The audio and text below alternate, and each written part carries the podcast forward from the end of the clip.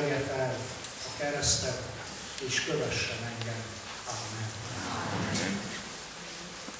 Drága testvérek, ezen a mai napon úgy érzem és úgy látom, hogy érzitek azt, hogy teljesen gyakorlati dolgokra szeretnénk a hangsúlyt rátenni ezekben az előadásokban.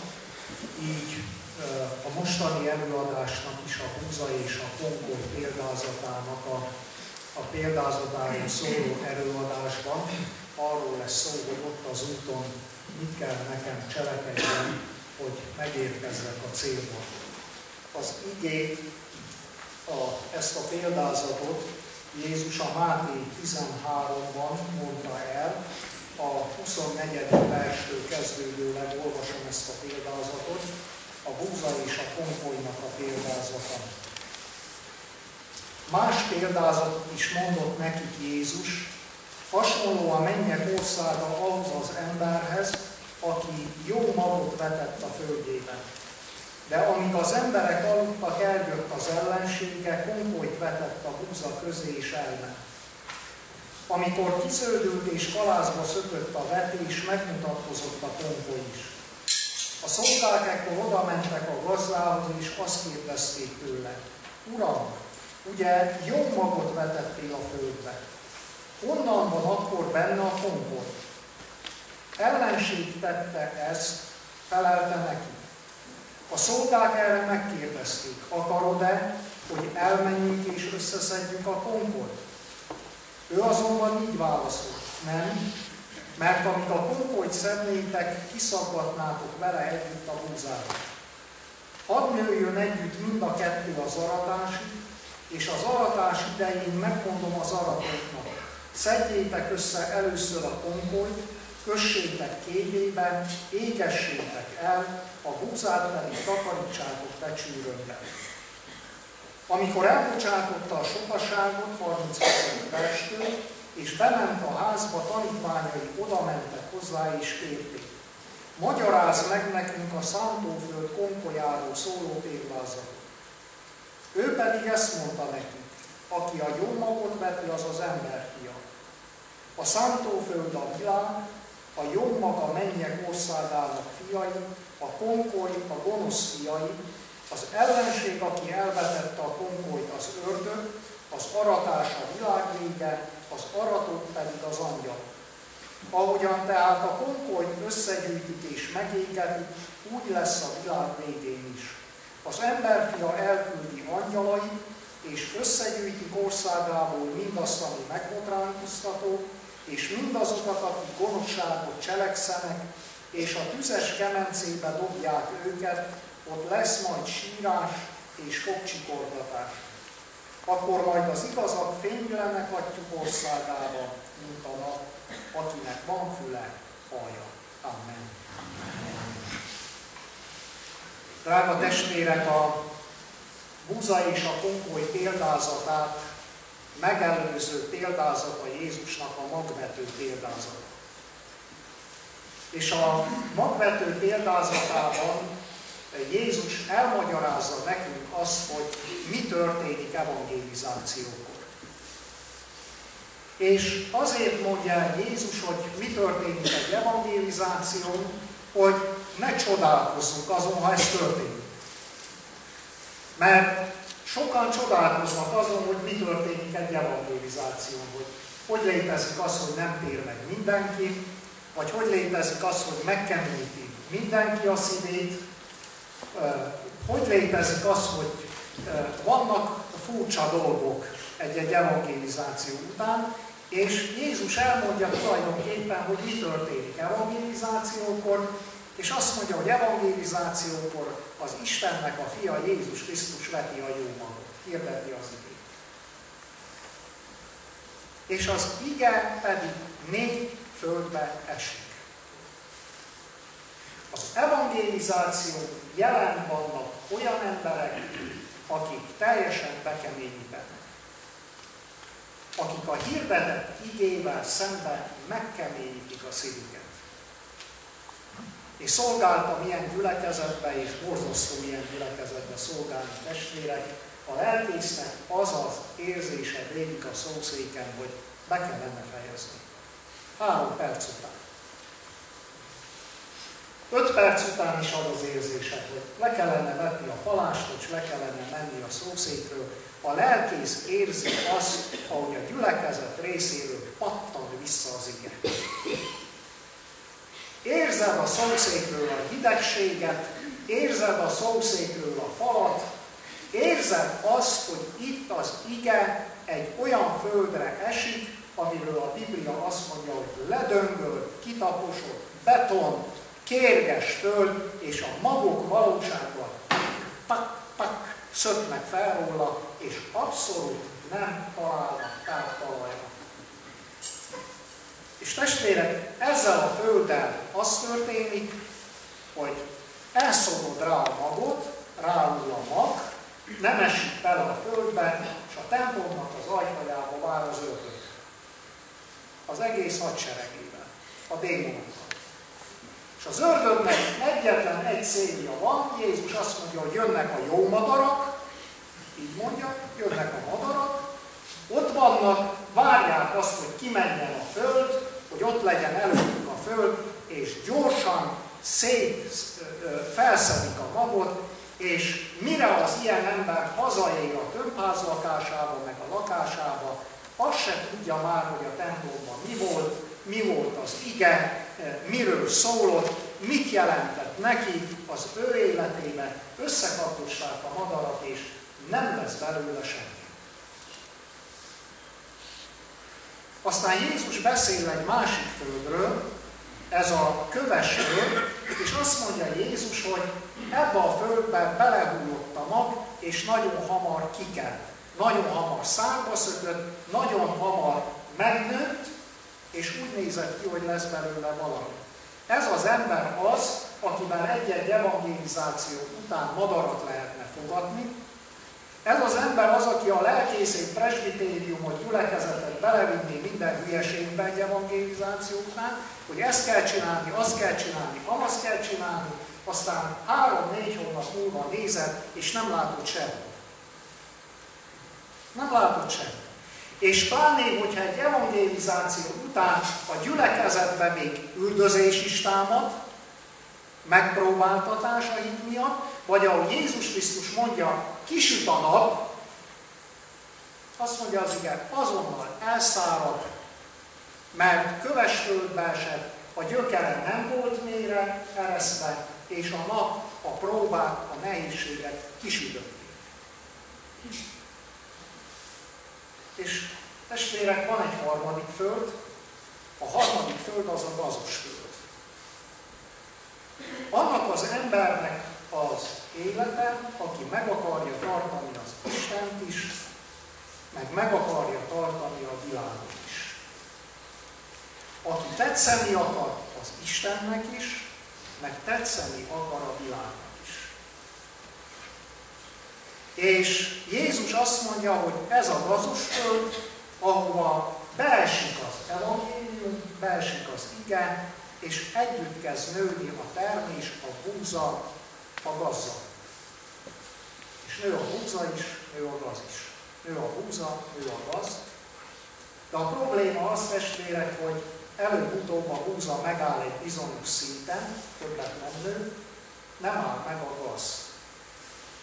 A gaz még egy annyit nő, mint a búza, elveszi a búzától a tápértéket, elveszi a búzától a fényt, végül pedig rácsavarodik a búzára, és teljesen ledöndi.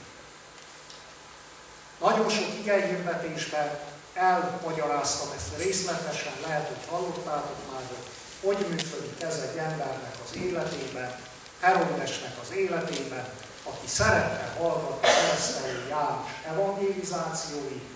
Keresztelő János azt mondta, hogy vadházasságban élsz, megintette a bűnt az életében, nem jó neked a testvéred feleségével együtt élni.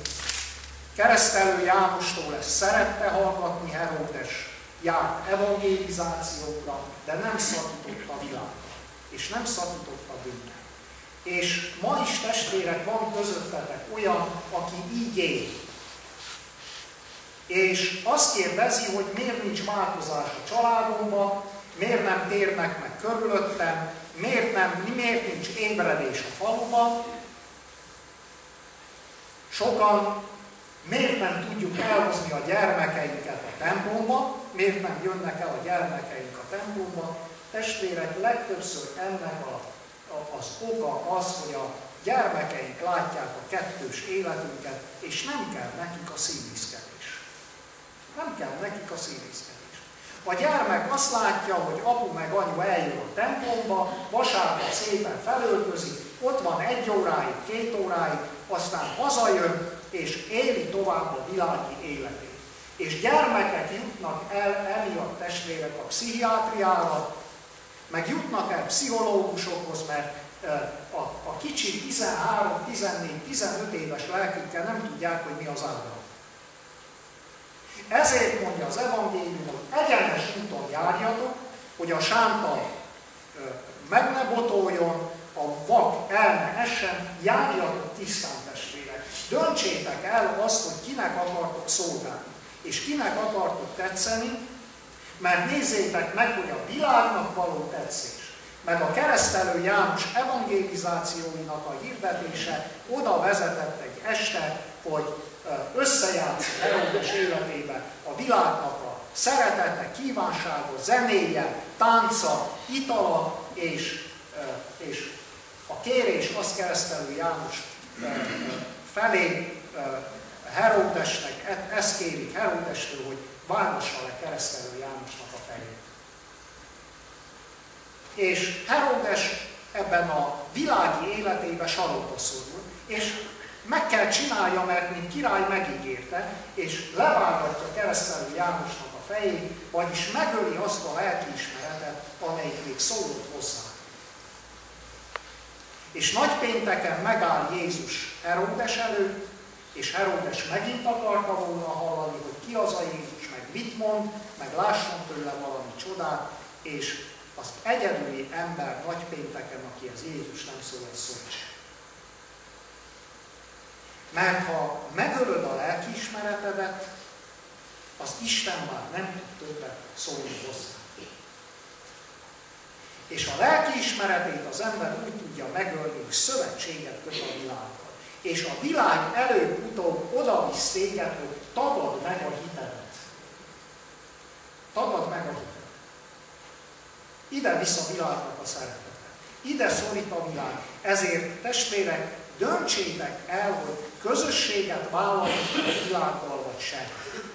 A világnak a tetszését keresitek-e, vagy pedig az Istennek a tetszését. Ezt nagyon konkrétan egy hívő embernek el kell döntse, számot kell ezzel vessen, hogy kinek akar tetszeni. Mert előbb-utóbb Jézus azt mondja, hogy az evangelizáció megfogant mag ki kell, de felnő annyira a világnak a szeretete, hogy egyszer meg fogja, körbe fogja vonni ezt a termést, le fogja húzni, meg fogja rothasztani, és el fogja.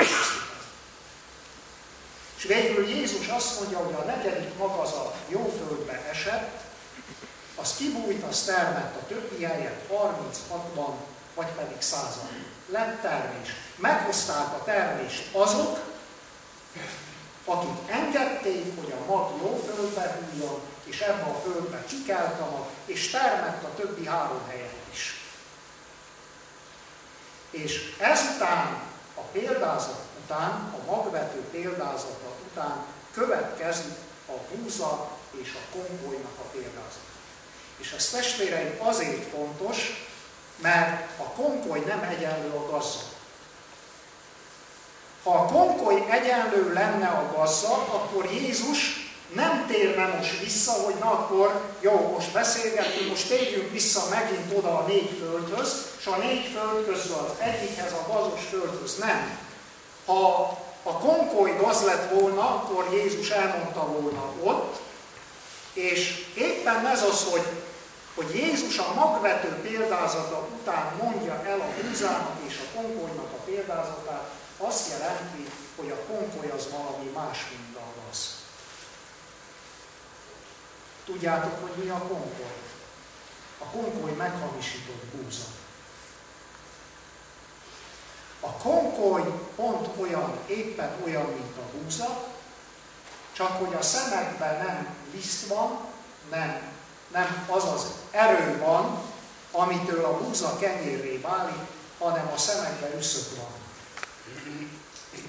A középlaki gyülekezetben az első szolgálati helyemen ott traktorok voltak, meg, meg földek voltak, és bevetettük az egyháznak a földjét, és ott jártuk meg egy évben, hogy kezeletlen búzamagot vetettünk a, a földbe, és a búzatáblákba, a sárga búzatáblákba megjelentek, mint a Discovery mutatják ezeket a nagy foltokat a szántóföldeken, hogy az UFO-k odaszállnak le, megjelentek ilyen nagy kerek, fekete táblák bent a búza közepén, és testvérek, amikor learadtuk a búzát, az egész búzát el kellett dobni, el kellett hajtani, mert olyan szaga volt az egész búzának, mint a halnak, amikor romlik, a hal hús, amikor romlik.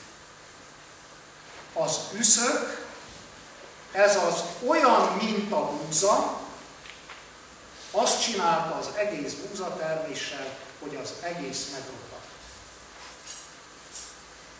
Ezért, drága testvérek, a mai tanításnak az egyik fontossága az, hogy a meghamisított keresztény nagyobb kárára van az igaznak, mint a pogányság. Ez jó jegyezni.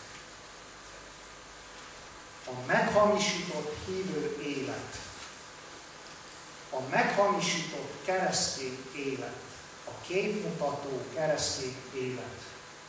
Sokkal nagyobb kár okoz, az igazi keresztény életnek, mint a pogányság. Erről mondja Pálapostól azt az egyik gyülekezetnek, hogy érettetek gyaláztatik Krisztusnak a neve a pogányok között. Ez az az ember, akinek lehet, hogy könnyű volt ide kijönni a döntésre hívásnál. Aztán kijött és visszament a moslékos vájú mellé. Nem változtatott az életén. És amikor ez megtörténik, jönnek a tanítványok, látják azt, hogy mi van, látják azt, hogy az egyik a világban, a másik hamar kikel, a harmadikról visszapattan, és azt kérdezik az Úrtól, Jézustól, hogy Uram, a maggal volt vagy? Nem jó magot vetettél a földbe, hogy ezek, akik döntöttek, nem maradtak meg a hitben? Mintha azt kérdeznék, hogy Uram, avagy Viski János, vagy Szeverényi, vagy, vagy Lőrinc János, vagy Bódis Miklós nem vetett jó magot, mert sokan ezt mondják, hogy nem jó volt a, a, az evangélizáció megszervezve. Meg, meg nem jó mag vettetett a földbe. Nem jó magot vetették, Uram, a földbe. Ezért van a, a, a konkord. Ezért nem maradtak meg emberek, akik, akik elszánták magukat, hogy, hogy követik az Urat és annyira tapintatos és finom Jézus, hogy nem rója meg ezeket a tanítványokat, akik ezt kérdezik, holott megtehetnék, és mondhatná azt, hogy fiúk, tudjátok, hogy miért van a, a konkoly. Azért van a konkoly, mert aludtatok. Aludtatok. Eljött az Istennek a fia, elvetette a jó magot, és az igen azzal folytatódik, hogy amíg a szolgák aludtak. Eljött az ellenség, és elvetette a konkolt, és aztán elment. Ennyi. Ennyi testvér. És aztán még próbáljon valaki valamit csinálni a konkoltnak. Ezt tudjátok, hogy a legkeservesebben a hátszegény református gyülekezetemben tapasztalom ezt a munkát. Mielőtt lementem volna hátszegre, előttem elment a gyülekezetbe, így nevezem őket, három farkas. És felkészítette a gyülekezetet, összehívta a gyülekezetet, és azt mondta a gyülekezetnek, hogy vigyázzatok, mert fog érkezni ide egy hívő pap. Olyan kedves volt a Gondok bácsi, Ince bácsi felállott, és azt kérdezte tőlük, hogy miért tiszteletes urak, van más is? Mi az, hogy érkezik ide egy hívő pap? Van olyan is, amelyik nem hívő? Hát az miért lett pap? És testvérek, megérkeztem a gyülekezetbe, a családommal, a gyülekezet a prédikációkat így hallgatta. Nézzük, milyen az a hívő pap, és mit mond. Miben különbözik ez, mint a többi? Hát rájöttek arra, mint ahogy egyszer Adorján Kálmán bácsi mondta, hogy ennek a papnak több Jézus van a Bibliájában. és három évre rá kaptam meg a legnagyobb dicséretet életemben a hátszegi gondok bácsitól, aki azt mondta nekem, hogy így tudta kifejezni magát, hogy tiszteletes úr, most látom, hogy pap meg pap között különbség van, de nem tudom, hogy mi. Mondom neki, hogy gondok bácsi, amikor meg fogja tudni, akkor maga lesz a legboldogabb ember, mert a különbség nem az, hogy mi különbek vagyunk másoknál testvérek, hanem a különbséget a bennünk lévő Krisztus teszi. Csak ez a különbség. Ha nem, mi is ugyanolyan bűnösök lennénk, mint bármelyik ott a, feketében. A különbség az, hogy él bennünk a Krisztus, és ha van valami különbség, akkor az Úr az bennünk. A testvérek eljöttek, elkészítették a gyülekezetet, és azóta több mint kétharmadát a gyülekezetnek eltemette, és testvérek, végighallgatta ez a gyülekezet, legalább száz bizonságtevőt lehívtam hátszegre.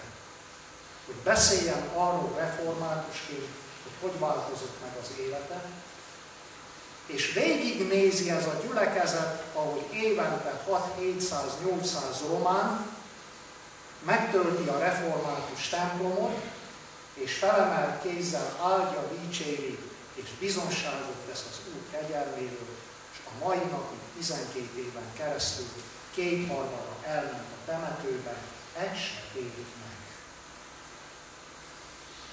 És testvérek, ezt azért mondom, mert egyetlen egy férfinak a kivételével a 64 embert úgy temettem el, hogy két vagy három nap vagy egy nappal ezelőtt, azelőtt megálltam a halálos ágya mellett. És beszéltem neki az útról, és beszéltem a bűnök bocsánatáról, és az örök életről, hogy az Istenhez lehet menni, és borzasztó volt látni, ahogy üveges szemmel néznek rá, és olyan, mint a kínaiul beszélnek. Sokan azt mondják, hogy megtérek majd, amikor azon a napon, amikor meghalok. Igen, ha megtudsz. Igen, ha megtudsz. Mert ezeknek az embereknek megadatott ott a kegyelem. Kevésnek adatott. Pördül egyet az autó, és annyit tudsz mondani, mint én aranyos déresen, hogy bementem volna a kapuban, ja Istenem, és ott voltam. Testvérek. Nem adatik meg az a kegyelem sokunk számára, hogy rákészüljünk és felkészüljünk a halára, egyből elmegyünk. És drága testvérek, ezeket az embereket megetették, hogy ide jön egy hívő pap, nagyon ügyeljetek, hogy mit mond, és ne higgyetek neki, és aztán az ellenség elment. És eltelt 12 év, gondoljátok, hogy fájt annak a háromnak az, hogy a másik megy az onkológiára. Hogy a másik egyedül a tetőbe nyomorog, és fekszik, mert nincs senki, aki egy pohár vizet idon. Nem. Nem. Az ellenségnek ennyi volt a dolga, hogy vesse el a konkocs, menjen el. És ezzel befejezte a munkáját, ne törődik veled. Halálos ágyod mellett egy valaki fog megállni melletted, és a halálos ágyod mellett és a halál előtt egyetlen egy dolog lesz életedben fontos, van-e neked Krisztusod, és van-e neked megváltó. Honnan van a konkord? Miért nem terem a búza? kérdezik a szolgák, és Jézus azt mondja, hogy azért, mert amíg aludtatok, addig jött az ellenség, elvetette a konkolyt, és aztán mi számunk érjük az urat. Hogy miért nem maradtak meg. És testvéreim általában akkor ébredünk, én ezt látom kollégiumi szinten, meg látom az István testvéremmel való beszélgetés szintjén, hogy emberek felébrednek, amikor már koronkán 80 drogos fiatalban, akkor már jön a polgármester, hogy együttműködne a célszövetséggel, hogy valahogy állítsuk meg ezt a dolgot. Amikor már a konkoly olyan nagy, hogy már mindjárt nincsen búza, akkor testvéreim felébredünk az államból. Hogy mi van körülöttünk és mi történik körülöttünk. És az ige azt mondja, hogy aludtak. Drága testvérek, aludni azt jelenti, hogy mindent meg lehet mellette csinálni. A délelőtt szó volt arról, hogy mi van a házadban, kit be, és mit engedsz meg a házadba. Van egy számomra, számunkra, családunk számára nagyon drága magyarországi család. Többször jártunk abba a gyülekezetbe evangélizálni, többször kedvesen fogadtak, megvendégeltek bennünket. Aztán az utóbbi alkalommal azt vettük észre, hogy a három fiatal mellett, a három 17-18 éves, 20 valahány éves fiatal mellett még ott van egy fiatal, és együtt mennek be a hálószobába este aludni.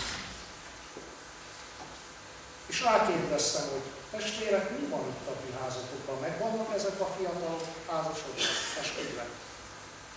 Nem, Miklós testvér, hát Magyarországon már ez bevett szokás hogy a fiatalok házasság előtt összeköltöznek, és együtt élnek házasság És kérdezem tőle is, ti ezt megengeditek a házatokban, hogy ez szóljon a ti tudásotokkal? És rám néznek, hát mit tudjuk csinálni a mi gyermekek? A testvérek aludjatok. Aludjatok. És akkor megkérdezed azt, hogy miért van konkoly a házban? És miért van konkoly, és miért van szemét, és miért van gazda családokban? Hát azért, mert az szól, és megengedett, hogy legyen. Hallgatólagosan egyet értesz a bűnre. Aludni testvérek ezt jelenti.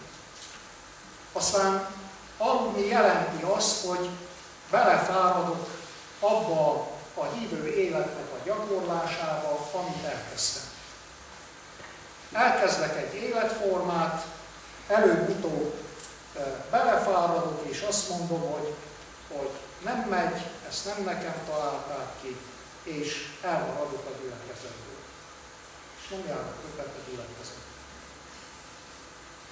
És aludni jelenti azt is testvérek, hogy álmodozok arról, hogy milyen volt Isti Feri bácsi idejében, milyen jobb voltak a találkozások, a hívőtestvérek közössége, milyen szép volt, milyen szeretet volt, milyen ébredés volt. Álmodozok, de nem imádkozok és nem teszek semmit azért, hogy most is legyen ébredés. És a gyülek álomban élek, a múltba élek. És testvérek, akkor ébredünk, amikor a kontoly már nagyobb, mint a vetés, és ilyenkor jönnek az öregek, és azt mondják, hogy el, ezek a fiatalok. Ezek a fiatalok. Testvérek, ezek a fiatalok, tudjátok, hogy milyenek? Olyanok, amilyeneknek mi neveltük őket. És ha azt mondod, hogy nincsen igazam, akkor gyere fel táborba, egy ifi táborba a Lesitóhoz, vagy a Bucsminra, és hallgass meg, hogy mit mond a 17 éves őszinte fiatal. Azt mondja, hogy az én nagyapám és az én nagyanyám, és az én apám és az én anyám 17 éves vagyok, soha le nem ült velem Bibliát olvasni és imádkozni. És jössz, hogy ezek a fiatalok. Ezek a fiatalok olyanok, amilyen vetést vetettél a szülők. Ezek a fiatalok olyanok, amilyennek nevelted őket. És amit adtál nekik enni, olyan váltak. Csodálkozol, hogy körülöttünk konkoly van. Azért történik ez, mert ha alszunk testvérek, ezért mondja az ige, hogy ne is aludjunk, ahogy alusznak némelyek, hanem mint világosság gyermekei, világosságba járunk, mert testvérek az alvást mindig kihasználja az ördög. Az életünkben az alvást kihasználja az ördög, gondoskodik az ördög, ne féljetek arról, hogy ne legyen érett, szép, sárga búza termés, de az evangélium azt mondja, hogy az ő szándékai nem ismeretlenek előttünk. Jó sofőr az, testvérek, aki tudja azt, hogy a szembejövő autóban a sofőr mit gondol, hova akar fordulni, merre akar térni. Pálapostól azt mondja, hogy az ördögnek a szándékait ismerjük, tudjuk, hogy mit akar, nem ismeretlen előttünk, éppen ezért az ördögnek a munkáját meg tudjuk akadályozni, mert az emberfia azért jött, hogy lerontsa az ördögnek minden munkáját.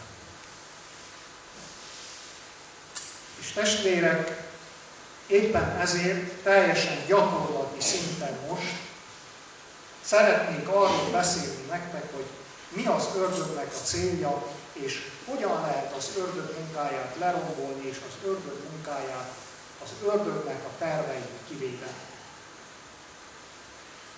Az ördögnek a legelső munkája az életedre, a lelkedre nézve az, hogy neked ne legyen élő kapcsolatod Jézus.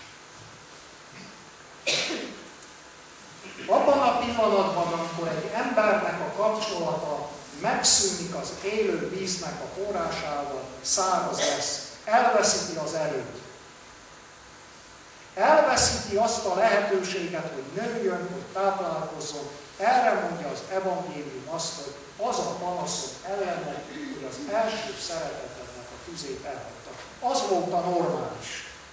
Az az állapot. Az első szeretetednek a tüze, amikor Jézussal jártál, amikor elindultál az Úrral, és azt mondtad, hogy Uram, akárhova mész, el nem hagylak téged, én veled megyek. És az ördög erre a kapcsolatra irigy.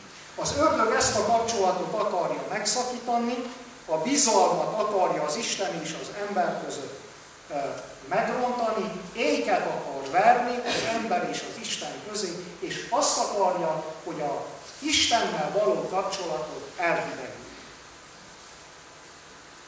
És drága testvérek, erre az ördög kitalált, elekt, kitalálta az elektronikát. Az elektronikát.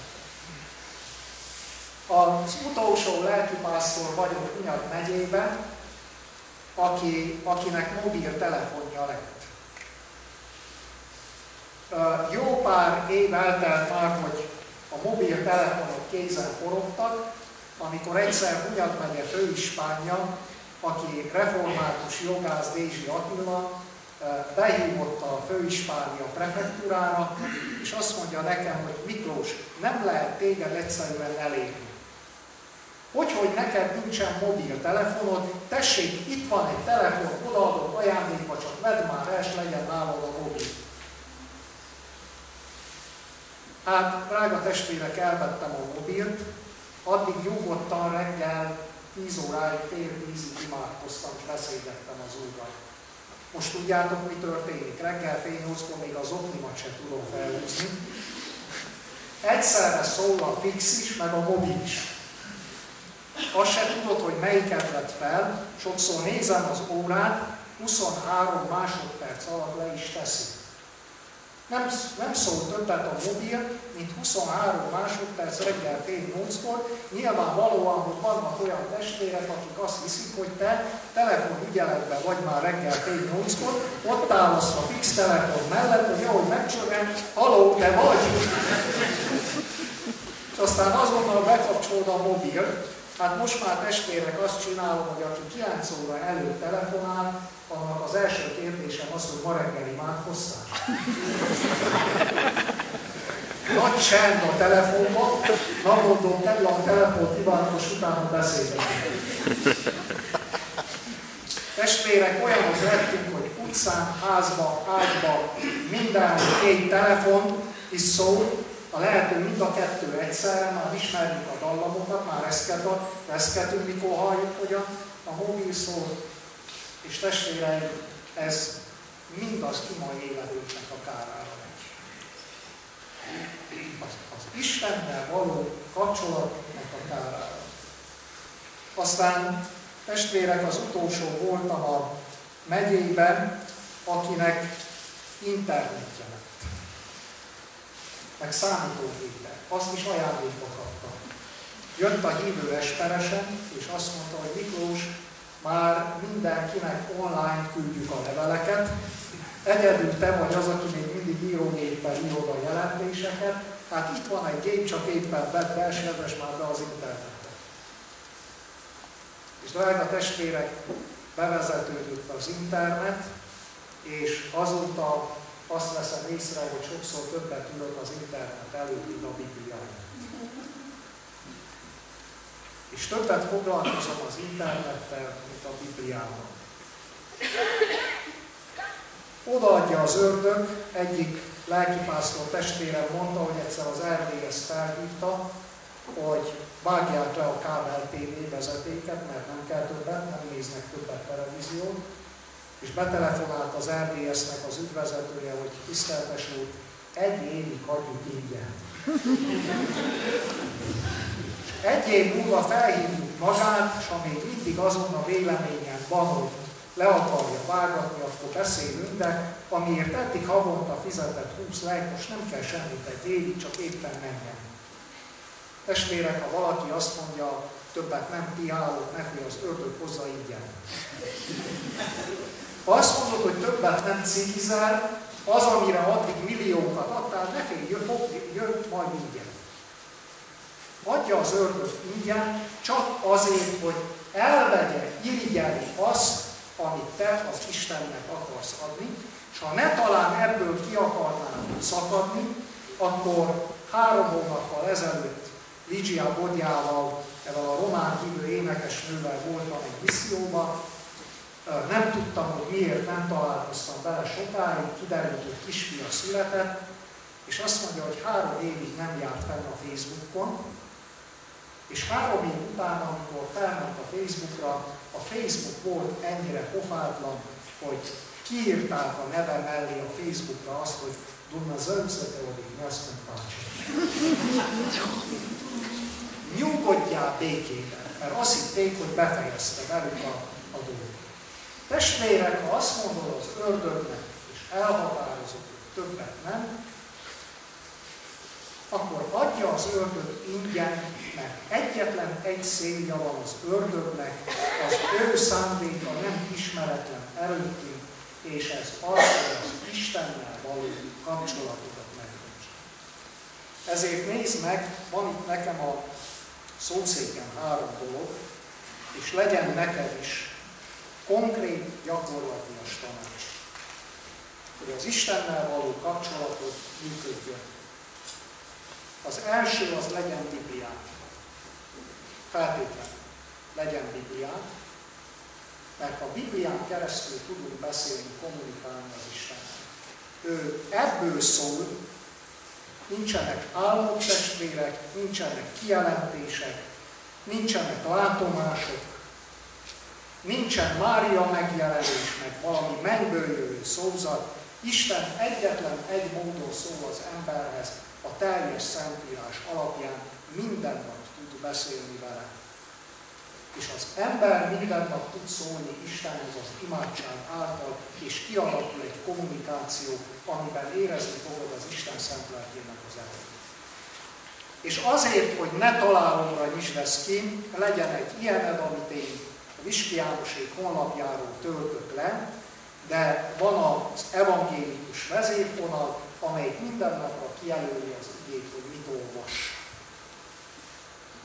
És ennek az alapján vezet az Úr, legyen Bibliát, és legyen útmutatót, aminek alapján naponta igét olvasol, és harmadik pedig, ami legyen ott mind a három a fejednél, meg az autódban legyen ott, meg az útadon, meg ahova mész, meg ha lefekszel, meg felkelsz, legyen minden évben egy áhítatos könyvet, amelyik minden nap megmagyaráz számodra egy igét, hogy fejlődni tudj.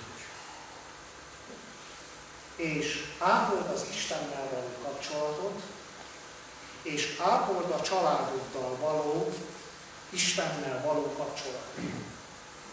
Úgy tarts áhítatot, hogy a családodban legyen ott a feleséged, legyen ott a férjed, és legyenek ott a gyerekeid. És a gyerekeidet ismertes meg azzal az úrral, aki előtt ott állottál a Hóreben, aki könyörült rajta, aki irgalmas volt hozzá, beszélj erről a gyermekeidnek. Hogy megismerjék és tudjanak a te Istenedről. Mert az ördög másodjára az először az Istennel való kapcsolatot, aztán másodszor a családot akarjuk szétverni. Az ember és ember közötti kapcsolatokat akarjuk szétverni. És végül testvérek, ami nagyon fontos a gyülekezetnek az életében, hogy egyre több ember, hívő ember akar elmenni a román vidéken a gyülekezetből azért, amit lát a gyülekezet. És azért, amilyennek és ahogyan megismeri a másik hívő embert. Testvérek, erre azt szeretném mondani, hogy lehet, hogy te elmész a gyülekezetből, de nem megy el az ördög. Az ördög az mindig jön. Az ördög a legjobb templom látogató. Az ördög a legjobb gyülekezet látogató. És mindig mutat neked a gyülekezetbe valami olyat, amiért ne akar jönni a gyülekezetbe. És testvérek, nagyon fontos és nagyon nagy veszély az egy hívő ember életében, egy gyülekezetben, bármilyen gyülekezet legyen az, amikor egy hívő ember ne találna papjára, ne találna presbiterekre, vagy ne találna másik hívő emberre néz, és azt nézi, hogy az hogy szalad, az mit csinál, és az hogyan csinál. És ezért megáll az úton. És testvérek, aki megáll ezen az úton, a futópályán, az tulajdonképpen nem csinál egyebet, mint szégyen hoz az országra. Képzeljétek el, az olimpián valaki félpályán leáll, és azt mondja, hogy én többet nem futok. Szégyen hoz arra az országnak a nevére, akinek a színeiben elindul futni. Éppen ezért Pálapostól azt mondja, hogy ő amikor beállott a futópályára, és elindult futni az Isten országáért, akkor ő nem nézte azt, hogy ki hogyan fut, és ki hogyan szalad. Hanem Pálapostól azt mondja, hogy ő azt nézte, hogy a célra törekedjen, hogy elnyerje a koronát. Hogy megérkezzen, és hogy ő legyen az első. És drága testvérek, a gyülekezetben ne egymásnak a hibáit nézzék Ne egymásra nézzetek, hogy ki hogyan jut, fut. Ne csináljátok azt, amit Péter a Tibériásnál. Jézus azt mondta, hogy hosszú kort ér meg, hogy Mártin halált hal, aztán ahogy ezt Jézus neki elmondja, azt mondja, Sever, mi lesz? Kérdezi János. És Jézus azt mondja, hogy Jánosnak te hagyd békét. de fuss meg a te pályámmal, harcold meg a te hitedet, és Jánossal is lesz. Úgy, ahogy én eldöntöttem. Testvérek, ne nézzünk másra, mert lemaradunk, és az ördögnek nagy taktikája az életünkben az, hogy mutat dolgokat. A gyülekezetben, amiatt ne szeressük egymást, frakciókat, az alázatnak a hiányát. A gyülekezetben, a Diotrefésznek a végképét, mindent jobban tud, mint János, nem akarja elfogadni a tekintélyt, az igazságot. Aztán van olyan, amit Viski János testvérem mondjuk, beültük a padba, a másikat nem ismerjük, ilyen gyülekezet, nyilvános bűnök. A, a gyülekezetben, amit a, a, az ördög a szemünk elé hoz, és meg akar akadályozni bennünket abban, hogy Jézus Krisztusnak a követői legyünk. Testvérek, mit csináljunk a konkoljal? Ezt kérdezik a, ezt kérdezik a tanítványok Jézustól, hogy mi legyen a konkoljal, és ezzel kapcsolatosan befejezésül egy történetet szeretnék elmondani a retyezák alatt. Több falu már olyan, amelyik szinte az egész falu megtért és hívő, és nemrég ott voltam egy faluba, egy olyan gyülekezetbe, ahol a vendéglátónak a nagyapja volt az, aki 21-ben az orosz frontról megtérve hazajött, és olyan bizonságtétele volt a falvakban ott, hogy az első évben 108-an merítkeztek be, aztán a következő évben megint vagy 60-an, tehát tömegesen tértek meg ott a, a baptista egyházba, hagyták ott az ortodox egyházat, a baptista egyházba az emberek, és ez, a, ez az unoka, aki most már 60 valahány éves, elmesélte az asztalnál azt, hogy az ő nagyapja számára elviselhetetlen volt az, hogy a jelenlétében valaki káromolja az Istennek a nevét. És egyszer jelentették a nagyapjának, hogy ő az unoka, káromkodik, és az Istennek a nevét káromolja, a nagyapa hivatta, ő pedig letagadta, aztán egyszer a nagyapa inflagránti tetten érte, meghallotta egy reketyebobor mellől, hogy az unoka hogy károlja az Istennek a nevét, és elindult felé egy nagy deszkával, hogy jól verje meg. Ő kétségbe esetben elkezdett kiabálni, hogy tata, se apám, se anyám nincs, meghaltak a szülei, ott maradt nyolc évesen a nagyapjának a, a gondozásába, se apám, se anyám nincsen, te akarsz engemet megverni? És azt mondja, hogy nagyapám elejtette a deszkát, megállott egy pár percig, ott állott, aztán bement a pászikbe, hozott egy karócsaval lelket. és miután ez megtörtént, kivitt a kukoricába, és rámutatott a kukoricába egy gazra, és azt mondta, hogy húz ki. Azt mondja, hogy tíz évesen megfogtam a gazt, és kihúztam. Aztán mutatott egy nagy, másfél méteres kórót, gazkórót, és azt mondja, húz ki ezt is. Azt mondja, elkezdtem kínlódni, kínlódtam, nem tudtam húzni, aztán végül nagy nehezen kihúztam, de kijött vele egy ekkora döröncs föld a gyökerén, és ahogy kihúztam ezt a gazt, azonnal eldőlt a kukorica. Azt mondja, hogy ebben a pillanatban nagyapám elkezdte a sírást, azt mondta, hogy fiam, ha valakinek fájt, hogy én meg kell téged verjelek, az nekem fájt a legjobban, de látod, amíg a gaz kicsi volt, addig ki lehetett húzni. Amikor a gaz nagy, kihúzod ugyan, de mindig megsíri az élet. Mindig megsíri a termés. Amikor egy élet már oda jut, hogy várok, meg tönkre van az életem, meg baj van az életemben, nagy lett a gaz, ki lehet még húzni, de megsíri mindig az élet. Ezért testvérek, ne engedjétek, hogy nagyra nőjön a konkoly az életedben, a családodban, a házadban. húzzátok ki addig, amíg kicsi. Isten adott neked egy új ruhát. Adott neked egy fehér ruhát. Ezen az úton, itt az ösvényen sokszor elesünk, sokszor védkezünk, sokszor beszennyezzük a ruhát, de tudjuk, hogy van vér. Elmondhatjuk azt, hogy ne örülj én ellenségem, elestem, de felállok, mert az Úr az én világosságom. Ne hagyjátok, hogy teljesen kosztos legyen a fehér ruha. Fiacskáim, ezt azért mondom, írja János, hogyha valaki védkezik. Azért mondom, hogy ne védkezik. De ha valaki védkezik, ha valaki védkezik, az tudja meg, hogy van szószólónk, hogy van a Jézus vére, hogy van a megmosakodásnak a lehetősége.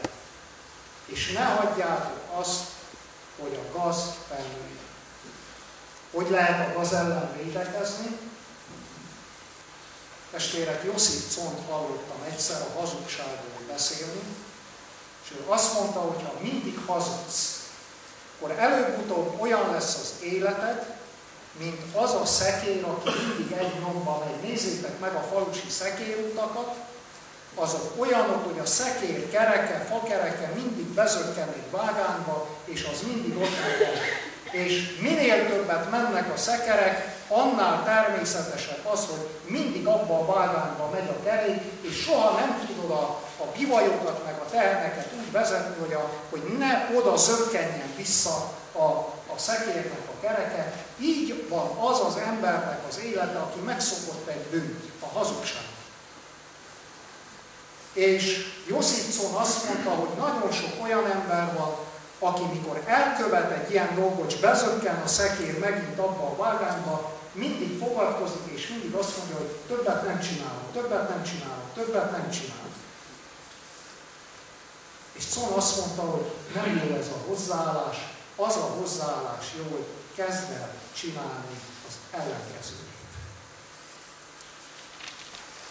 Kezd el csinálni az ellenkezőjét. Lehet a feleséged előtt be kell hund a szemed, össze kell szoríts magad, ott kell kezdjed, lehet, hogy jobb volna hazudni, mert lehet, hogy a feleségem elhallgatna, hogy azt mondom, ami neki tetszik, szoríts össze a szemedet, az öklödet, és mondj igazat. És amikor igazat mondasz, húzódik egy kis sánc, egy kis finom sánc. A következő alkalommal már könnyebb igazat mondani. A sánc mélyebbre vágódik, és ahogy vágódik mélyebbre az igazság sánca, annál könnyebben jársz az igazságnak az útján, és betörődik szépen a hazugságnak a sánca. Így van testvérek, minden egyes dolggal és minden egyes bűnnel. Van egy regény, Dorian Gray-nek a portréja, amelyik arról szól, filmet is vetítettek róla, hogy azzal kezdte, hogy megrontott egy fiatal lány, és nem vállalta fel. És ezzel az egész élete elindult, húzódott egy sánc az életében, és ő elindult ebbe a sáncba, és egy szövetséget kötött az ördöggel, volt egy kép egy zárt szobába, egy nagyon szép férfi volt, és azt a szövetséget kötötte az ördöggel, hogy ő mindig maradjon fiatal, és a, a bűnök azok a képen ábrázolódjanak ki. És ő valahányszor elkövetett egy bűnt, ő fizikailag kívül mindig fiatal lett, mindig szép volt, szép maradt, a környezete csodálkozott, hogy ez egy milyen, nem öregszik, ez egy milyen férfi, csak valahányszor bement ebbe a vasvárcsa bezárt szobába, és meglátta a képet, mindig a szobából ordítás hallatszott ki, mert jelentek meg a, a, a sebek, a ráncok, a foltok, és jöttek ki a férgek a szeméből. Rágta, ette a bűn. És végül egy alkalommal oda jutott, hogy, hogy már nem tudott szembenézni azzal, hogy kicsoda ő, bement ebbe a szobába, és vette a kést, hogy beleszúrja ebbe a képbe, elvágja a képet, és a szolgálók arra ébredtek, hogy valami döng a felső szobába, felszaladtak, hát a kés Dorian Gray-be volt beleszúrva, a kép ott volt éppen szépen, és az összes bűnei ki voltak ülve az arcára, a földön, akit addig szépnek láttak meg, csodálatosnak és szörnyetnek feküdt a, a, a földön. Testvérek, minden bűnt, amit elkövetünk, a lelkünkben meg a szívünkön húz egy vonal, egy harc. És először nehéz megtenni, utána könnyen. Először nehéz hazudni, először nehéz lopni, először nehéz paráználkodni, utána már sokkal könnyebb. Ne engedjétek azt, hogy az ördög parázdákat vágjon a lelketekbe és a szívetekbe. Ne engedjétek, hogy a konkoly túlnője a húzán, a vetést, és elpusztítsa az életet. Gondoskodj arról, hogy a konkoly kitét, hogy kihúz addig, ami nem rontja úgy a vetést az életet, hogy amikor kihúzod, akkor veszik az élet.